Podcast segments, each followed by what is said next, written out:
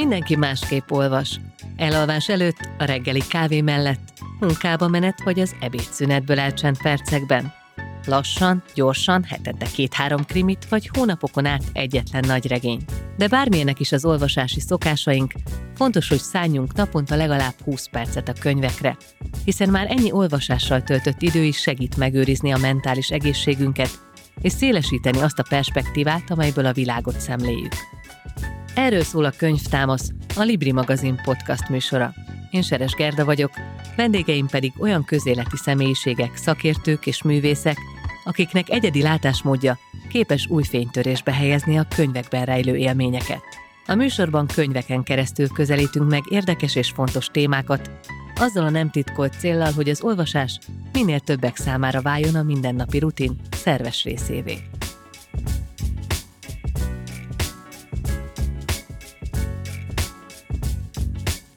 Sokunknak okoz fejtörést, hogyan vehetnénk rá a telefon, tévé, számítógép bűvöletében felnövő gyerekeinket az olvasásra, miközben a könyvpiac tele van jobbnál jobb gyerek és ifjúsági kötetekkel. Nem kell messzire mennünk, bővelkedünk a kiváló magyar szerzőkben. Mitől lesz népszerű egy gyerekkönyv, és egyáltalán milyen a jó történet és a jó szöveg? Vajon ebben egyetértenek a gyerekek és a nekik felolvasó szülők? Egyszer volt, hol nem volt, gyerek és ifjúsági irodalom napjainkban, ez a könyv támasz mai témája. A vendégeim Ruf Orsolya, újságíró, szerkesztő, író és fordító. Abban a szerencsés helyzetben van, hogy amikor nem könyvet ír, akkor könyvekről ír. Első ifjúsági regények 2018-ban a Zöld Macska titka címmel jelent meg. A történetet eredetileg a lánya tizedik születésnapjára szánta, ám nem készült el vele időben, viszont a Manó könyvek szerkesztője fantáziát látott benne és kiadta. Az első részt még kettő követte, így bővült három kötetes sorozattá a Zöld Macska. 2021-ben látott napvilágot a Volt egy ház című regénye, amiért jelölték az év ifjúsági könyvírója díjra. Az idei könyvhéten Orci Mimi kalandjai a londoni Gyémántrablás című regényével jelentkezett. Melyik történetet hőse lennél a legszívesebben? Én vállaltan elfogult vagyok, és nagyjából mindig az a kedvenc, vagy az a nagy szerelem, ami utoljára jelent meg, vagy amiben utoljára voltam benne. És ha ebből a szempontból nézem, akkor egyértelműen az Orci Mimi, még akkor is, hogyha az a kor, amiben ő mozog, az a fiatal lányok számára nem tartogatott túl sok lehetőséget. Tehát ez a viktoriánus Londonról beszélünk, amikor egy fiatal nőnek nagyjából nagyon szabottak voltak a lehetőségei, Viszont az ő alakját vállalta Norci Emma ihlette, aki ugye magyar származású, viszont angol nyelven érte el írói sikerét, és szerintem arra nagyon jó példa, hogy egy nő abban a korban a saját kreativitására, tehetségére támaszkodva hogyan tudta megteremteni a saját hírnevét, egzisztenciáját. De mindent összevetve egyébként azt gondolom, hogy maga a kor is nagyon izgalmas, tehát ez egy változásokkal teli, izgalmas kor, úgyhogy ha választanom kellene, és egyet kell választanom, akkor ő lenne az. Másik vendégem Jenei Zoltán, író, műfordító. Francia szakon végzett, de dolgozott hipermarketben, egyetemi könyvtárban, rajzfilm stúdióban és évekig tanított egyetemen. 1995 óta jelennek meg fordításai, antológiákban, folyóiratokban és önálló kötetekben. Első regénye Rév Fülöp címmel jelent meg 2012-ben a Kolibri kiadónál. A Balatoni lovag regényt a következő években még két rész követte. A nagy sikerű trilógia már színházban is debütált. A tavaly megjelent a Balatoni Kacsavész című regényéért megkapta az év gyerekkönyvírója díjat a 6-tól 12 éves korosztálynak szánt művek kategóriájában, ugye a Habbiról beszélünk. A történeteidben nagyon sok karakter és dolog nevét ihlették földrajzi nevek. Hogyha magadnak választanál ilyen játékos álnevet, akkor mi lenne az? Igen, hát ez a Réfülöp trilógiában van így. A ezek a földrajzi nevek úgy kerültek át személynév kategóriába, hogy az alapötlet az volt, hogy van ez a Révfölöp nevű település, ami egy ilyen anomália a földrajzi nevek világában, hiszen hogyha egy keresztnév és egy valamilyen földrajzi egység szerepel egy település nevében, vagy akkor mondjuk bármi... Gyulafehérvárnak mondja. Igen, és akkor ott az van, hogy a Gyula van elől, és a Fehérvár van utána. Vagy a Margit szigetnél a Margit van elől, a sziget utána. Gerli. Tényleg nincs több ilyen? Hát át kellett volna gondolnom. Hát van még egy, a török Bálint. A török Bálint pedig ugye hát tényleg egy személynév ismerjük az egri csillagokból is, ha máshonnan nem. és akkor arra gondoltam, hogy van ez a Révfülöp, ami egyébként, amikor független településé vált, akkor be is adtak valami kérvényt az akadémiához, hogy helyese az, hogyha most így jegyzik be a települést, hogy Révfülöp, és visszakapták a választ, hogy ó, nem, mert hogy Fülöp Réve kellene, hogy legyen a helyes neve. De ők azt mondták, hogy jó, hát kár volt megkérdezni, és akkor maradtak az eredeti felállásnál. Szóval, hogy ez az egész játéknak az a lényege, hogy vannak ezek a település neveket. Most tegye um, kezét a szívére az, aki pontosan tudja, hogy az összes településünknek honnan ered a neve, hát akár Budapest. Fogalmunk, Fogalmunk sincs. sincs, úgyhogy nagyon egyszerű azt gondolni, ezt csinálta Anonymous is annak idején, hogy ezek valami létezett figurák voltak, és akkor így lett az, hogy a Rév Fülöp az egy figura, és elnevezték róla a települést. És akkor már többi település is valakinek, vagy valakiknek, vagy valamiféle dolognak viseli a nevét. Na, de kerülgeted a kérdést. Igen, kerülgetem a kérdést, és ez nem csoda, mert hogy tulajdonképpen már az első kötetben 40 ilyen település van, és nyilván kizártam azokat a település neveket, amikről tudjuk, hogy mit jelent. Az már foglalt, az, az már foglalt, igen. Tehát mondjuk egy monostor apátiról nem lehet elnevezni senkit, mert mind a két tagja a névnek értelmes szó. Úgyhogy én gyakorlatilag kimerítettem ott a Balaton környékét, de ráadásul ugye két kötet is ebben a régióban játszódik. A harmadiknál már elmentem Délalföldre, úgyhogy ott már új. De a kacsavészben is van, tehát mondjuk a Sió mama, vagy... A Sió az egy spéci dolog, mert az meg a Fáji Andrásnak a figurája, tehát ott már ő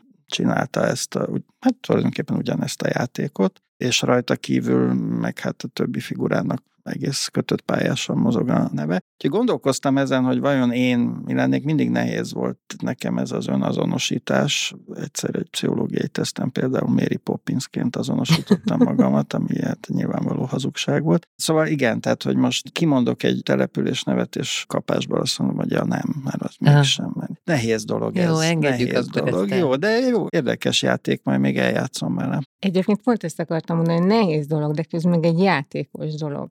Tehát amikor arról beszélünk, hogy teremtődik egy világ, hogy mennyi játék van benne, és az ember néha maga is rácsodálkozik, hogy mennyi lehetőség van ebben, amit aztán tovább és tovább lehet görgetni. Igen, meg hát egy ilyen névválasztásnál azért van a hangzásnak valamiféle természetesen teljesen szubjektív megképződése. Érzete, igen, hogy az most igen. étel, megennéd, meg vagy, ugye vagy szoktuk meg játszani innád, ezt, vagy... hogy mondjuk milyen színű mondjuk az, hogy Veszprém. Hát számomra egy abszolút barack színű település. kék. Név, kék. Jó, hát tessék. De hogy, De, hogy ez egy szubjektív dolog teljesen. igen, egy teljesen szubjektív, úgyhogy amikor megképződik egy karakter a történetben, és akkor annak kell egy nevet adni, akkor az marha nehéz. Például a második kötetnél, a Réfülöp sorozat második köteténél a női főhősnek a nevét megtalálni, az egy elképesztő kutató munka volt. Tényleg már ilyen mikroszkóppal néztem a hihetetlenül De fölnagyított térképet. térkép fölött? Aha, igen, és akkor ugye az kellett, hogy egy olyan női név legyen, tehát női hangzású földrajzi név kellett, eleve, nem lehet akármi, és hogy valamennyire így, így legyen egyfajta romantikája a dolognak, mert hogy szerelmi szál is van benne, meg mit tudom én, és akkor, ha jól emlékszem, Tapolca környékén egy kis pataknak a neve lett a kiválasztott név, mert nem volt már nagyon maszkulin hangzásúak a földrajzi nevek valamiért, nem tudom. De akkor előbb van meg a karakter, vagy találsz érdekes földrajzi neveket, és ahhoz jártasz figurákat. Változó, de zömmel előbb van meg a karakter, és utána van hozzá, igen.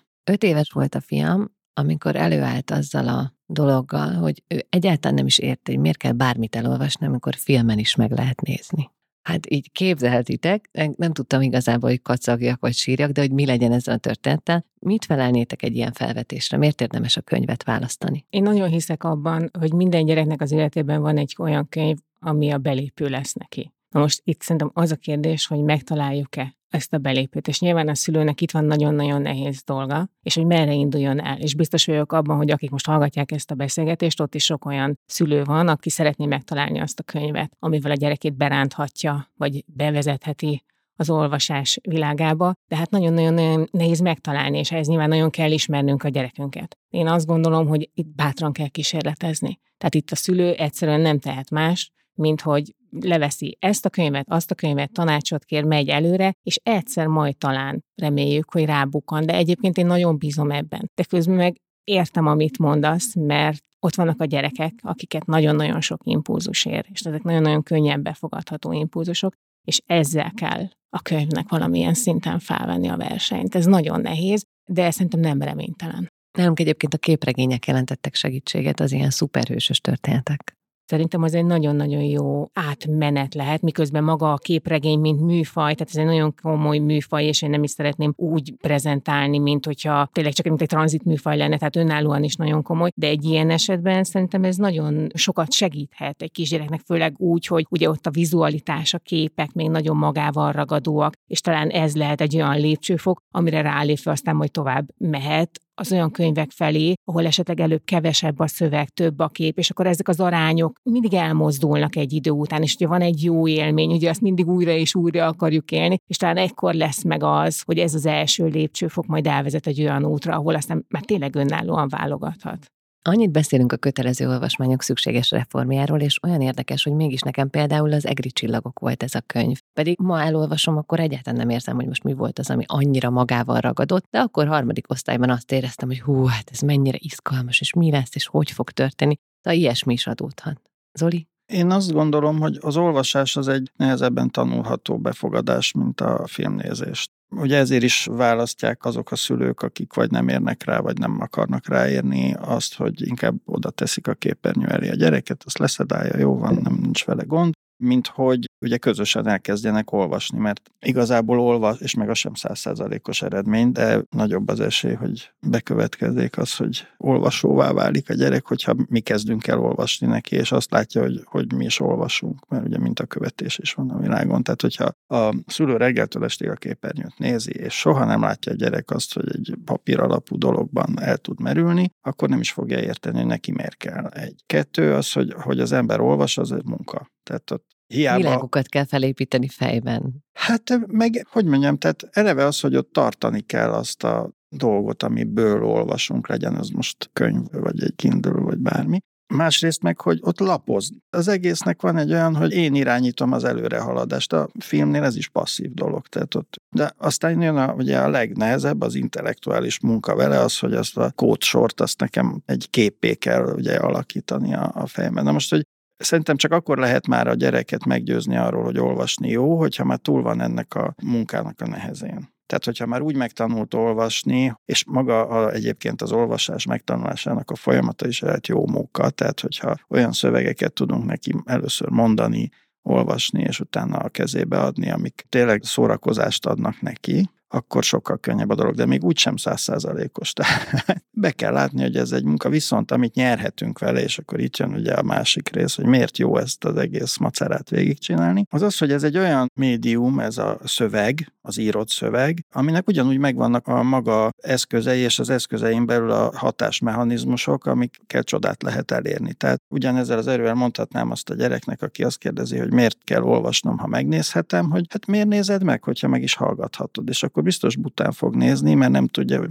még azt mondom neki, hogy tessék, nézzük meg ugyanezt a történetet egy szimfónia formájában. És akkor azt fogja mondani, hogy hát ez nem normális. Pedig ugyanarról van szó, tulajdonképpen egy másik csatornán fogadunk be impulzusokat, mert hogy nyilván nem lehet mindent filmre vinni, ami a könyvben van ha mondjuk egy olyan narráció van, amiben a főhősünknek az érzéseit egyszerűen leírja a szöveg. Akkor arra nyilván találhatunk egy képi kódsort, hogy mit tudom én, könnyezik meg, és akkor jöhetnek ezek az animés klisék, amikvel be lehet mutatni érzelmeket, de hogyha az úgy van megírva, hogy át is tudom érezni azt, amit ugye a karakterünk érez, azt szerintem egy rajzfilm például már nagyon nehezen tudja megoldani. Vagy egész egyszerűen szójátékok nyelvi játékok, olyan mondatfűzés, aminek megvan ugye a csattanó lehetősége. Amikor egy mondat elolvasása élvezetet okoz, és ez nem feltétlenül egy ilyen nagyon bonyolult dolgot kell elképzelni. Tehát a jó írók azok meg tudják alkotni azokat a mondatokat, amelyeket elolvas az ember, és önkéntelenül jól érzi magát. És azt mondom a gyereknek, hogy ez itt van a szövegben, ez nincs a filmben. Tehát nem tudod megnézni ugyanazt a filmben.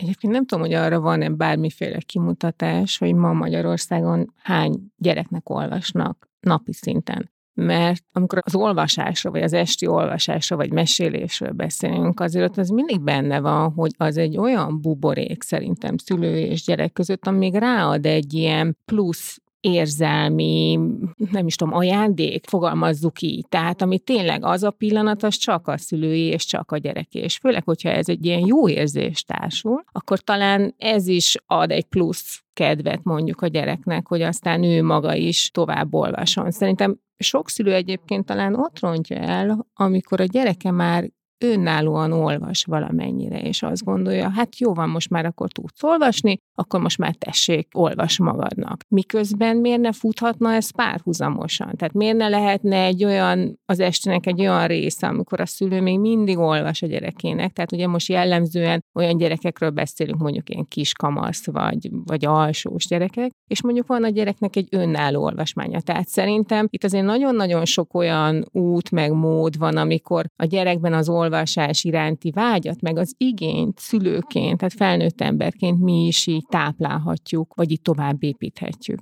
Hát arról nem is beszélve, hogy van a felolvasott szövegnek is az öröme. Nem is kell, hogy olyan pici legyen az a gyerek, tehát sokszor előfordul, hogy a már felnőtt korú gyerekeimnek is olvasok fel egy verset, vagy egy szövegrészletet, mert annyira jónak tartom magát a szöveget, és azt gondolom, hogy felolvasva meg aztán pláne jól jön ki, vagy egész egyszerűen otthon is egymás közt gyerekek nélkül is tudunk felolvasni egymásnak. Nyilván nem arról van szó, hogy egy regény, de hogy bizonyos kis szövegelemeket, és ez az érdekes, hogy hogyan történik, milyen millióben történik a gyereknek az olvasás, és hogy ebből tényleg egy ilyen kis meleg, puha, illatos érzés jön ki. Nagyon szeretem nézni a molyon a hübrisz mellett a könyveknél azt, hogy a visszajelzések, hogy milyen próbálom kihüvelyezni a könyv mellé írott értékelésekből azt, hogy milyen körülmények között olvassák, mert ugye a, mind a Rév Fülöp sorozat, mind a Kacsavész egy olyan korosztálynak szól, ami még... Még az olvasni alig, vagy nem tudó, igen, és a tehát, már hogy, hogy már elvileg 9 plusz van ráírva a Révfülöpre, egyébként az első kiadása még 7 plusz volt, csak kicsit följebb tolták, de Hallottam már olyan visszajelzést, hogy akár már öt éves korú gyereknek is felolvassák. Sőt, olyat is láttam, hogy ilyen családi kör alakul ki, hogy amikor fektetik a gyerekeket, akkor a nagyobb gyereknek olvassák, de a pici, aki még lehet, hogy nem is érti igazából a csak bizonyos az egész sztorit, igen. ő is hallgatja, és őt még valahol apu is ott van a hallótávolságon belül, és ő is úgy, rá irányítja a radarjait. Tehát, hogy ha van egy ilyen, ez a kis begubózott családot, az marha jó hangulatot tud teremteni egy ilyen felolvasásnak, és az valószínűleg megteremti utána a gyerekben az igényt, hogy ezt visszaidézze akár magával az olvasás aktusa által. Egyébként ez érdekes, amit mondasz, ez az életkori besorolás. Ez nyilván a szülőknek, inkább talán nekik szól, nekik segít. Mert ez íróként a... zavaró? Egyébként engem különösebben nem zavar, mert ugye szokták azt mondani, hogyha nincs rajta egy könyvön, hogy kiknek szól, akkor mindig olvassuk el a fülszöveget, hogy hány éves korú lehet az a főhős, az kicsit talán segít ebbe. Engem különösebben nem zavar, mert azt gondolom, hogy ez a felnőtt vásárló segíti valamilyen szinten. Tehát bemegy egy nagymama, körülnéz, ott van kismillió cím, fogalma sincs, hogy mi lehet az, tehát így értelmezem magamban, de közben azt látjuk, hogy a gyerekek pedig főként mondjuk felfele olvasnak, de én nagyon sok olyan gyereket ismerek, aki nagyon szívesen olvas lefele, most a lefelét ezt nyilván életkorilag, tehát mondjuk egy tíz éves szívesen vesz elő akár újra egy hat éveseknek szóló könyvet, talán épp azért, hogy ezeket a jó érzéseket újra élje, vagy maga az olvasás, akkor már gördülékenyebben megy, és akkor ez egy milyen jó érzés, hogy ugyanazt a szöveget már sokkal jobban tudom elolvasni. Tehát szerintem a gyerekek sokkal rugalmasabban állnak ehhez hozzá. Meg nálunk ezek a repetitív dolgok, tehát hogy például mondjuk beállt a négyszögletű kerekerdő, akkor az be volt csípődve rengeteg ideig. És akkor hiába olvastuk már 28-szor a Bacskamati virágát, vagy a dömtödömöt, akkor az volt, hogy ma legyen a költőverseny. De édesfiam, a költőverseny volt tegnap előtt, meg azért, mert nálunk például érdekes módon így beakadtak dolgok, és akkor szinte odáig ment mindig, hogy már kívülről tudjuk, de valamiért az annyira zsigerileg hatott. Mert megvan a szövegolvasásnak az az élménye, ami a filmnézésnél nincs. Én abszolút értem ezt a vissza-visszatérő olvasást. Meg még egy dolog ezzel az életkori besorolással kapcsolatban, hogy a gyerekkönyv az a könyvtípus,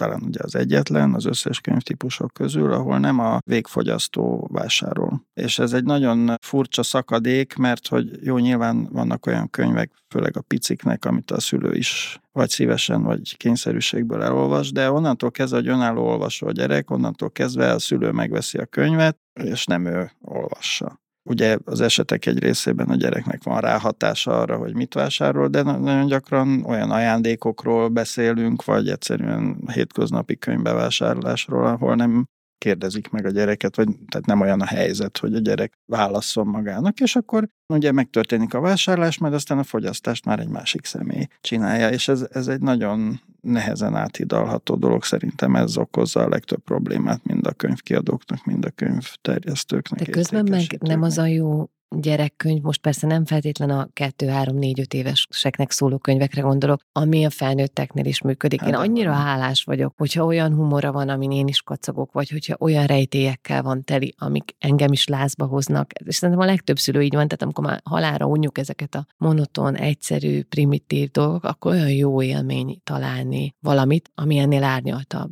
Hát nyilván az az ideális, hogyha a szerző megtalálja azt a hangot, vagy azokat a regisztereket a szövegben, amik lehet, hogy az egyik olvasó számára észrevétlenek, de a másik számára előjönnek. Gondolok itt most például ilyen életkori dolgokra, tehát ha már a négyszögletű kerekerdőről beszéltünk, hát a Lázár Ervin az tele van ilyennel.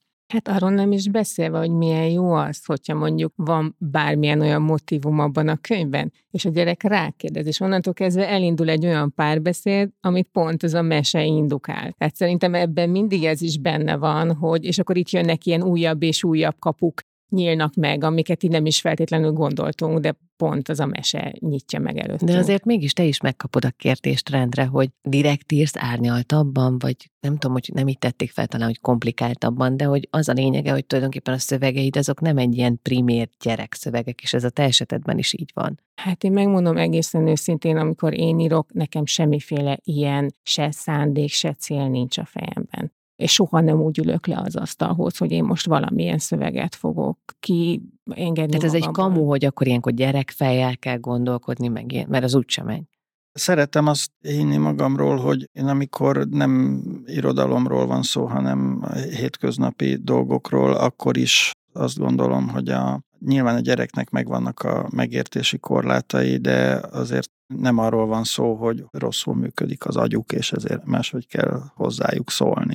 Ami a nyelvi részét illeti, abban meg aztán pláne azt gondolom, hogy akkor tanul meg valaki beszélni, hogyha találkozik a nyelv egészével. Tehát attól falnak megyek, amikor olyan szülőgyerek párbeszédeket hallok, hogy a szülő leviszi a szókincsét száz szóra, és azzal próbál meg kifejezni mindent, gondolván, hogy a gyerek igen, nem ér igen. többet, tehát a gyerek nem is fog többet érteni, hogyha nem találkozik azzal a szóval. Hogyha az ember bele zuhan ebbe a nagy világba, ahol hirtelen ugye születésekor körülveszi, sőt már előtte körülveszi őt egy nyelvi közeg, akkor az a szó, hogy répa, az pontosan ugyanolyan idegen szó lesz számára, mint az, hogy futómű. Tehát ez csak nekünk bonyolult, mert répával többször találkozunk, mint futóművel, de ugyanúgy szavakról van szó. És hogyha a történetben, amit leírunk, vagy a bármilyen narratívában el akarunk mindent pontosan mondani, akkor bizony azokat a szavakat kell használni, amik a legjobban illenek arra a dologra, amit ki akarunk fejezni. És akkor hogyha ezt levisszük egy olyan szókincsre, ami ezt az egészet lebutítja, akkor buta szöveget fogunk kapni, és buta történetet attól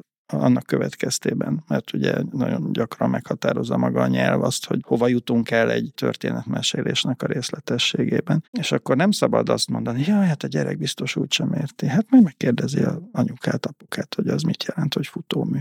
Bocsánat, csak még egy dolog, hogy, hogy visszatérve még, hogy a csukás, a, ugye az ásító sárkányban, ott amikor kiderül, hogy Ugye már rég elmúlt a sárkányok kora, de a sárkánynak mégis csak lehet hasznát venni akkor, amikor hullanak a levelek ősszel, és tud segíteni az utcaseprőnek, és kap állást, és fölkelt, hogy lesz STK-ja. Szerintem ez már akkor se tudták a gyerekek, hogy mi az az STK, most meg pláne nem tudják, de kit zavar? Senkit. Megkérdezi, hogy miért jó az a sárkánynak, ha lesz STK-ja. Tessék. Igazából a szövegekről beszélünk, azt nem szabad se elfejteni, hogy az írás mindig az olvasással kezdődik. Tehát szerintem bárki, aki két mondatot leír, vagy, vagy leír tíz mondatot, hogy abból egy történetet kerekítsen, az nyilván egy olyan olvasás élmény van évekre visszamenőleg mögötte, ami őt táplálja. És akkor itt jön be az, hogy amit magunkhoz veszünk, ami körülvesz bennünket, amit olvasunk, mindannyian abból táplálkozunk. És hát ezek ilyen nem mondhatom azt, hogy tudatosak ezek, a, ami aztán a szövegbe bekerül de az meg nyilván benne van, hogy az ember nagyjából tudja, hogy milyen korosztálynak ír, tehát ezt nem lehet teljesen figyelmen kívül hagyni. Tehát mindenki azt szeretné, hogyha ugyanúgy olvasnám élvezettel egy tíz éves, mint akár egy 13 éves. Én például ennek a korosztálynak szeretek a leges legjobban írni, de hát ez pont az a korosztály, ami aztán nagyon változik, hogy kik Hát meg akiket pont el szoktunk veszíteni, ugye például színházakban ezt jobban érzik. Például egyszer a bábszínházasok mesélték, hogy ez a korosztály az, amit a legnehezebb, mert ugye ezt már nem annyira a szülő hozza, vagy még a szülő hozza, de már nem. Tehát, hogy itt van egy kis ilyen váltás, vagy kiesés, és valahogy az olvasásnál is úgy képzelem, hogy itt van egy ilyen átállás, hogy vagy felőre olvas, vagy egy kicsit, ahogy mondod, visszatér a régi kedvencekhez, tehát, hogy, hogy itt van egy ilyen gap, és ezt most már persze egyre többen próbálják kitölteni, nem is olyan új jelensége ez az EDM moltól kezdve, tehát itt rengeteg dolog születik, de azért ez mindenképpen egy ilyen guzmis korosztály pedagógus ismerőseim, tehát tudom, hogy kb. 12 éves kor, ami sok szempontból egy választóvonal, különösen a fiúk esetében. Tehát ott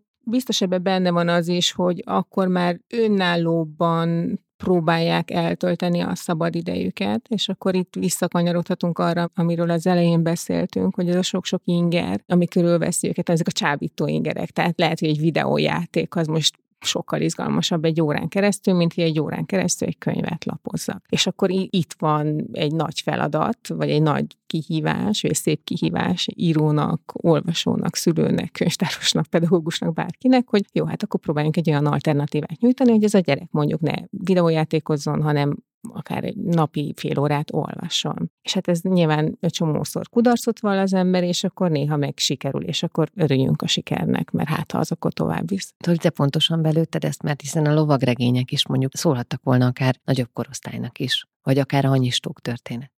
Igen, ez egy érdekes kérdés, hogy milyen korosztály céloz meg az ember. Én azt gondolom, hogy ugye ez a 12 éves korot ugye belép a felnőtté válás igénye, és akkor a, amikor a gyerek azt mondja, hogy most már én nem sokára, ugye fiúkról beszélve, különösen serken a bajszom, most már kicsit megy le a hangom, én most már felnőtt lennék inkább sem, mint gyerek, akkor azt mondja, hogy a gyerekkönyveket most már az tényleg ciki. Valamiért a lányoknál ez nem ilyen határozott tény. Tapasztalatból tudom, hogy ilyen 14 éves fiúk alig olvassák a révfülöpöket, viszont 15-6-7 éves lányok előszeretettel, tehát hiába lovagregény, tehát nincs meg, annyira nincsen ilyen nemi karaktere szerintem a könyvnek egyébként. De hogy hogyan lehet azt mégis elérni, hogy olvassanak nem tudom, lehet, hogy egy picit el kell engedni őket, és nem azt mondani, hogy ne videójátékozatok, ha nem olvassatok, mert akkor garantáltan az olvasás vesztésre áll, hanem azt mondani, hogy jó, most már játszottál másfél órát, és valahogy rávezetni arra, hogy gyere, menjünk ki egy kicsit, ki valahova hoz egy könyvet, aztán majd ott el leszünk. Tehát, hogy én azt is látom, hogy ugye ebben a korban bejön ez a dacosodás, ugye az ellenállás, a megtagadása a jó tanácsoknak, hogy nem az biztos, hogyha azt fogjuk mondani, hogy nem videó videójáték, hanem olvasás, akkor kész, halott az ügy. Egyébként saját tapasztalatból azt tudom mondani, hogy ez az olvasás, mint elfoglaltság néha ciklikusan jelentkezik. Tehát a saját gyerekemnél, aki egyébként egy olvasó gyerek volt, és egy olyan másfél-két éve volt egy olyan időszak az életében, amikor kevésbé olvasott, és én akkor a, a családomban és a baráti körömben lévő tanárismerőseimet nyaggattam, hogy hát mi, mi történhet, hát semmi se változott, és mégis a gyerekem mint a kevesebbet olvasni, és mindenki azt mondta, hogy ne aggódj, ez majd elmúlik. És valóban, tehát ez volt egy pár hónap, amikor akkor ez így kevésbé volt jelen az életében, és akkor utána ugyanúgy visszatalált az olvasás világába. Valószínűleg itt bejön egyébként az, amit az elején mondtál, Zoli, hogy, hogy mondjuk a minta, és lehet, hogy ez egy családi minta, lehet, hogy egy iskolában, lehet, hogy egy baráti közösség, amelyik szeret olvasni, tehát még az is lehet, tehát hogy mit látunk, és akkor mihez igazodunk. De hát pont ez a kamaszkor, amikor elkezd annyi minden érdekli őket, és aztán annyi minden nem, és ez változhat egyikre. Szóval ez egy mindenkinek egy ilyen kihívásokkal teli időszak, szülőnek és tanárnak, és hát a gyereknek meg pláne. Úgyhogy lehet, hogy itt az kell, hogy a türelem, türelmet kell tanúsítani, és reménykedni abban, hogy igen, majd vissza fog térni, majd könyvet vesz a kezében. Más nem is nagyon tudunk tenni, mert ez az, valóban az erőszak, hogy már pedig leülsz, és akkor most olvasni fogsz, ez biztos, hogy nem fog nem célra fog vezetni. Igen, az én fiam 13 éves nálunk még az működött pár évvel ezelőtt, hogy én például krimi rajongó vagyok, és ő meg a történetekért rajong, amik ezekben vannak, a fordulatos cselekményért. Nyilván nem ugyanolyan, ha én adok át egy megrét történetet, mintha az rendesen szépen meg van írva, és ugye ezért nem szeretjük például a rövidített olvasmányokat sem, de mégis nálunk az működött, működött például séta közben, hogy én olvastam, és mindig meséltem arról, hogy hol tartok, és hol tart a történet, és akkor ő maga is izgatottan várta, hogy na mi lesz, és hogyan folytatódik, és akkor ez egy ugyan egy közvetett olvasmányélmény, de mégiscsak valamiféle történetteremtés, vagy, vagy ilyen. De a korosztálynál hagytuk abba, Zoli, és a, arról kitértél, hogy amikor te belőtted ezt, akkor azt mondtad, hogy jó ez, vagy a kiadó kérte, hogy akkor mondj valamit? Nem, már csak azért sem, mert előbb volt kész a könyv, mint hogy kiadóval találkozott volna. Úgyhogy ez abszolút saját döntésem volt, hogy milyen korosztályt lövök be. Én azt gondoltam, Mindenképpen az alapötlet az az volt, hogy lovagregényeket fogok átültetni. De ez a fordítás miatt akad be, ezt te szereted? A lovagregény, a... mint olyan? Igen. Ne, hát ez a mesterségem nekem eredetileg. Tehát én irodalomtörténész vagyok, és középkori reneszánsz francia irodalom volt a témám. Uh-huh. Úgyhogy olvastam egy rakat ilyen középkori lovagregényt, és azt gondoltam, hogy ezek olyan jó sztorik, hogy most miért senki nem olvas középkori lovagregényeket manapság, illetve... Szép históriákat se nagyon. Né- néhány megszállott, de ezen kívül széles közönség nem nagyon, viszont olyan jó történetek vannak benne. Hát ezeket a sztorikat használják a filmek is már. Megnézzünk ilyen Marvel filmeket, hát tele vannak olyan történetekkel, amik 800 évesek. És akkor arra gondoltam, hogy ezt megírni ma, de hogyan szólunk bizonyos korosztályokhoz, és hogy akarok én szólni ezekről a történetekről. Most én nekem nem az volt a célom, hogy ilyen vérgőzös, darabolós sztorikat nyomjak, mert akkor följebb megyek korosztályba. Tehát, hogyha azt akarom, hogy mondjuk ilyen fiatal felnőttek olvassák a könyvet, akkor ott folyik a vér meg. Meg ez a fantazi határmesdjéje, meg nem Igen, tudom. igen, igen. Békeszerető ember vagyok, úgyhogy én levittem akkor a korosztályt erre a hogy ilyen aranyosan szólok hozzájuk, de nagyon érdekes volt, hogy a, ez a megfogalmazás kérdés, ez nagyon fontos az egri csillagoknál, ez ilyen veszőparipám, hogy hogyan írunk le valamit, hogy a ostrom közepén jön az egyik vitéz magyar várvédő, van a fején egy óriási nagy seb.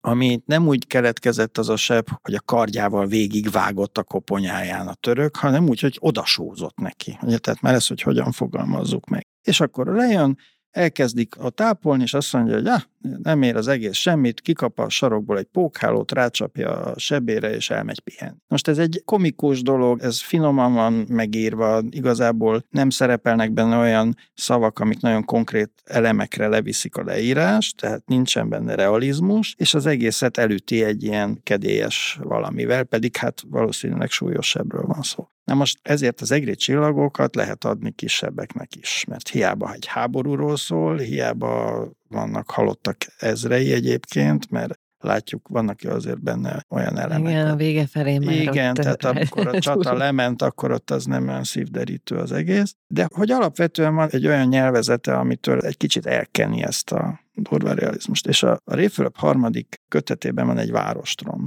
ahol beleraktam egy olyan részt, hogy, hogy ilyen kővetőkkel rontják a falakat, és beleraktam egy nagyon nem szándékosan, csak valahogy úgy volt a fejemben, és leírtam egy olyan pillanatot, hogy becsapódik ez a elhajtott kő a téglafal, vagy a téglaváról van szó, és hogy szerte spriccelnek a szilánkok. És amikor ezt elolvastam a gyerekeimnek, akkor a kisebbik azt mondta, hogy hú, ez nagyon félelmetes volt pedig ott nem volt tömegmészárlás, meg mit tudom én mi, egy kő becsapódott egy falba. De azáltal, hogy volt az egésznek egyfajta ilyen naturalizmusa, azáltal megérezte azt, hogy milyen ez. Vált. Igen. És akkor, akkor az félelmetes volt neki. Tehát ilyen nekem múlik szerintem az, hogy hogy szólunk egy korosztályhoz. Tulajdonképpen ugyanazt írjuk le, csak hogy az egyiknél mennyire dörgöljük az orra alá, a, mennyire van szaga, ne Isten bűze a dolognak, vagy pedig maradunk a játékos Be like bum. Egyébként ez egy bizonyos korosztály, szerintem egy ilyen 12-13-ig megy, és azért azt látom, hogy a 14-től fölfelé, viszont ott a fiatal olvasók sokkal sötétebb történeteket is fogyasztanak, mint amit mondjuk én szülőként gondolnám, vagy felnőttként. Igen, hogy ott belépnek ezek a hétköznapi dolgok, tehát hogy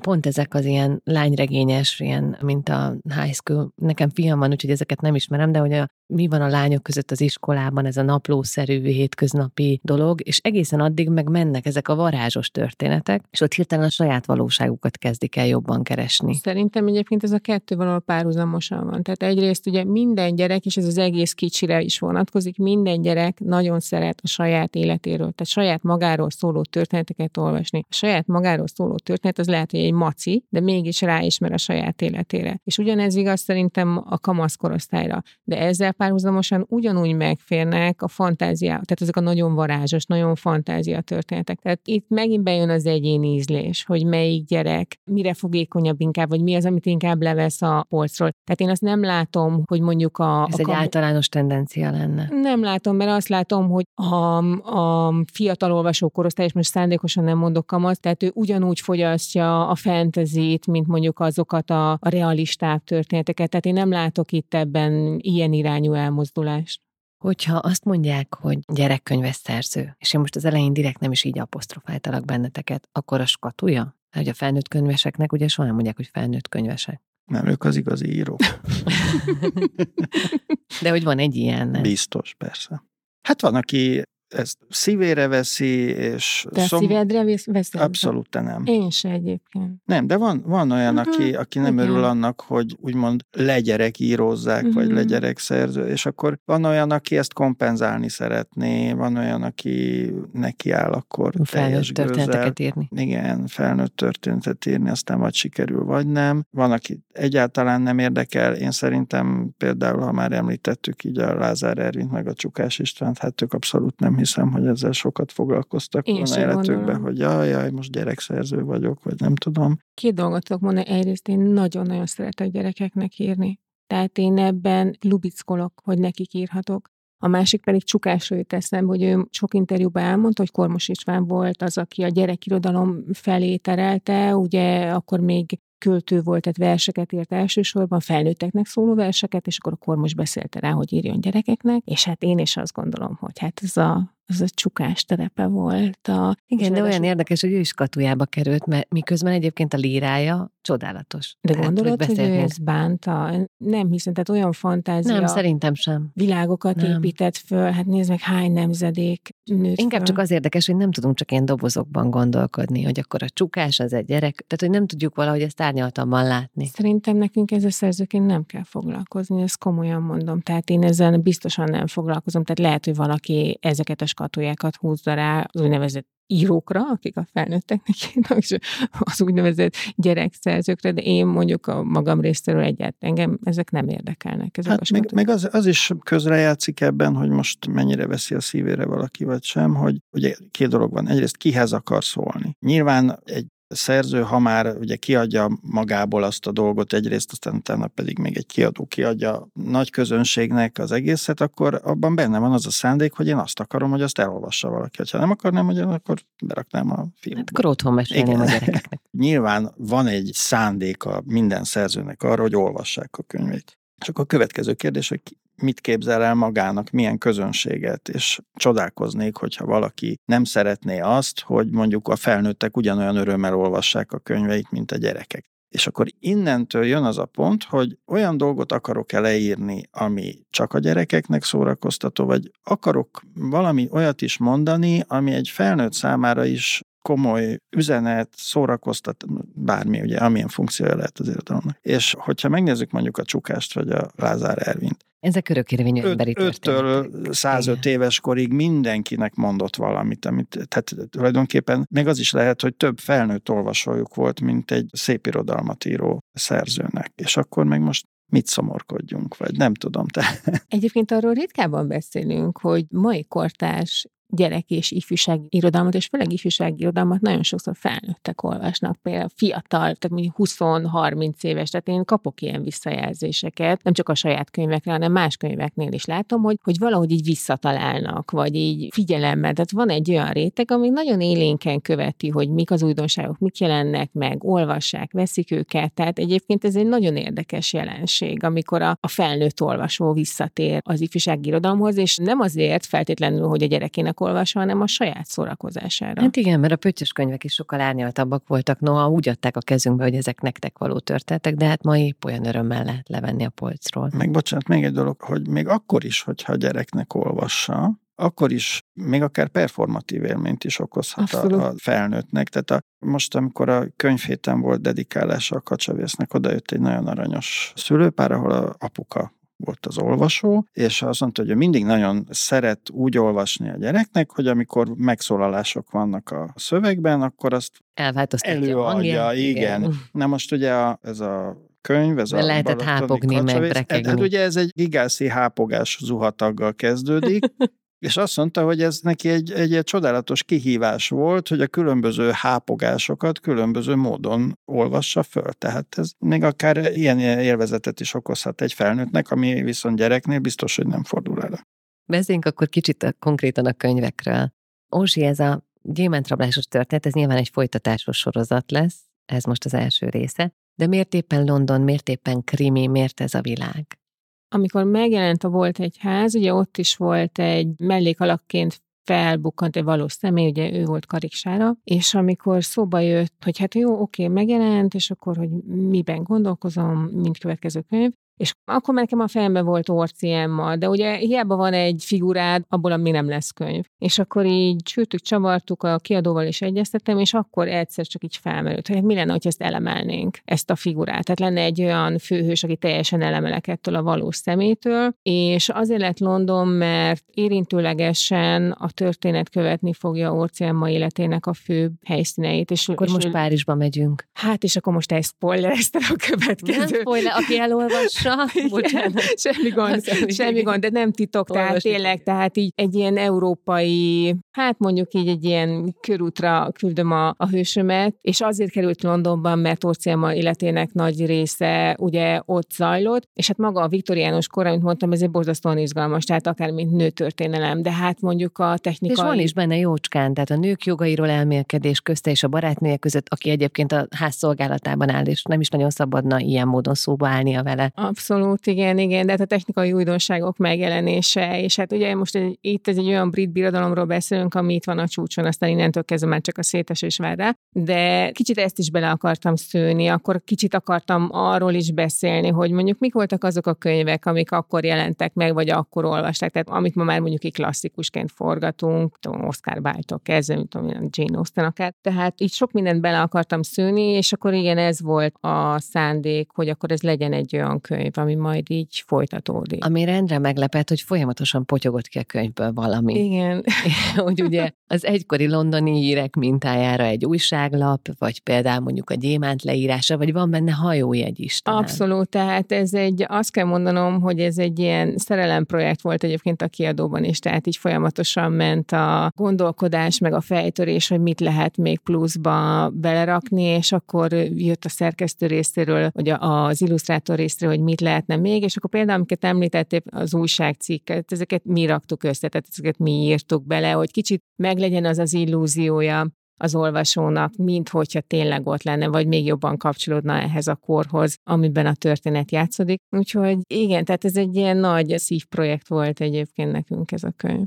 Szóval érdekes, hogy a te könyved az meg továbbra is a Balaton világa körül kalandozik, illetve egy, most ez esetben egy ilyen, nem csak magyar mítosz, mert most ahogy kimondtam eszembe jutott, hogy persze a hanyistók az egyik, de ugye ott vannak a sellők, meg a krakkel, meg van ebben mindenféle, de hogy miért ez a Balaton, ez, ez most felkérés volt talán, Igen, ugye? ez nem titok, hogy ez egy felkérésre készült könyv, mégpedig egy eléggé kötött pályás munka volt. Hát ugye a Balaton védelme volt. Igen, tehát úgy, úgy talált meg engem ez a dolog, hogy már a Révfülöppel eléggé elbalatonosítottam a, hogy mondjam, azért még ez nagy szó, de mondjuk élet, tehát a munkámat, igen, és akkor itt a Veszprém Európa Kulturális Fővárosa nagy-nagy programsorozat keretében ez az egyik projekt illetve egy projektnek a része. És, tehát nem ugye, mondtad, hogy figyeljetek, már unom a Balaton, nem lehetne valami? Nem unom a Balatont, nem, nem, nem, nagyon-nagyon szívesen foglalkozom vele bármikor. És itt hát egy, tulajdonképpen egy komplex felkérés volt ez olyan értelemben, hogy nagyon sok mindennek meg kellett felelnie a történetnek. Jó ilyet írni? Vagy ez azért egy ilyen sínre rakja az embert?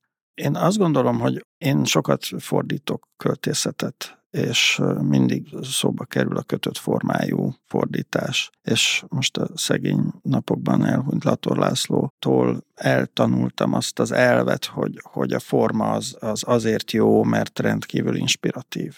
Tehát amikor azt hiszi az ember, hogy meg szonettet fordítani, az kínszenvedés, nem, mert amikor be van szorítva a szöveg valamilyen nagyon szűk skatujába, akkor ott olyan megoldási módok jönnek elő, amik végtelen sok örömet okoznak, remélem olvasási szinten is, nem csak írási szinten. Úgyhogy az, hogy itt egyszerre kellett ennek ugye Balatonhoz kötődnie, környezetvédelemmel foglalkoznia, európai dimenzióba kerülnie, szörnyeket tartalmaznia, Ráadásul még bejött ez a Veszprém városának kedvenc ásatag állata, ez a kavicsfogú álteknős, ami egy ilyen kis kabala, kabala ősállatszerűség Veszprémben, ott találták meg a maradványait. Szóval, hogy ez, ennek mind úgy benne kellett lenni.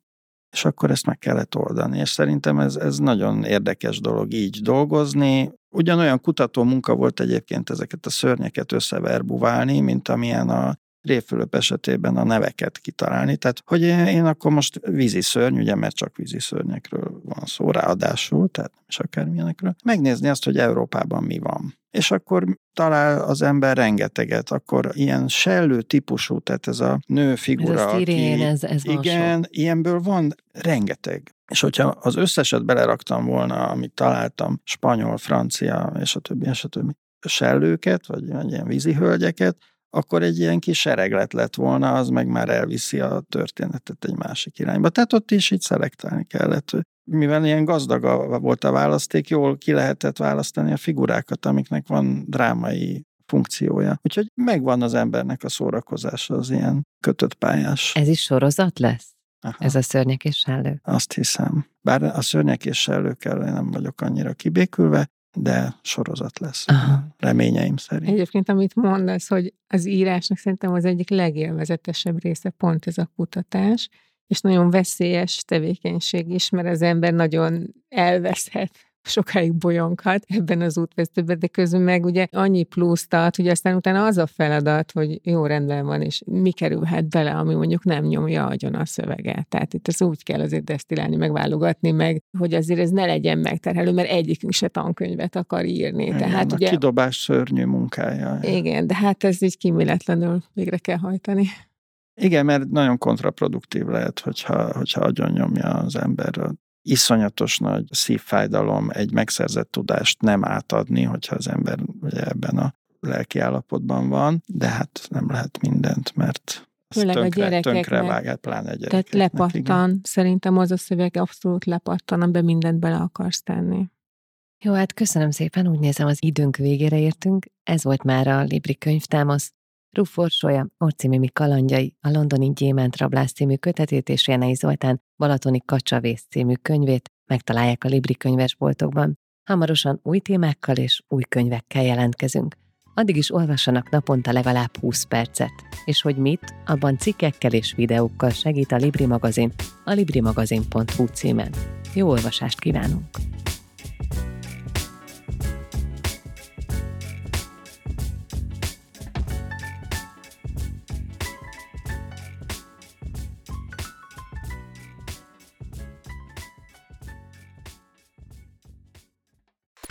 Rockasters.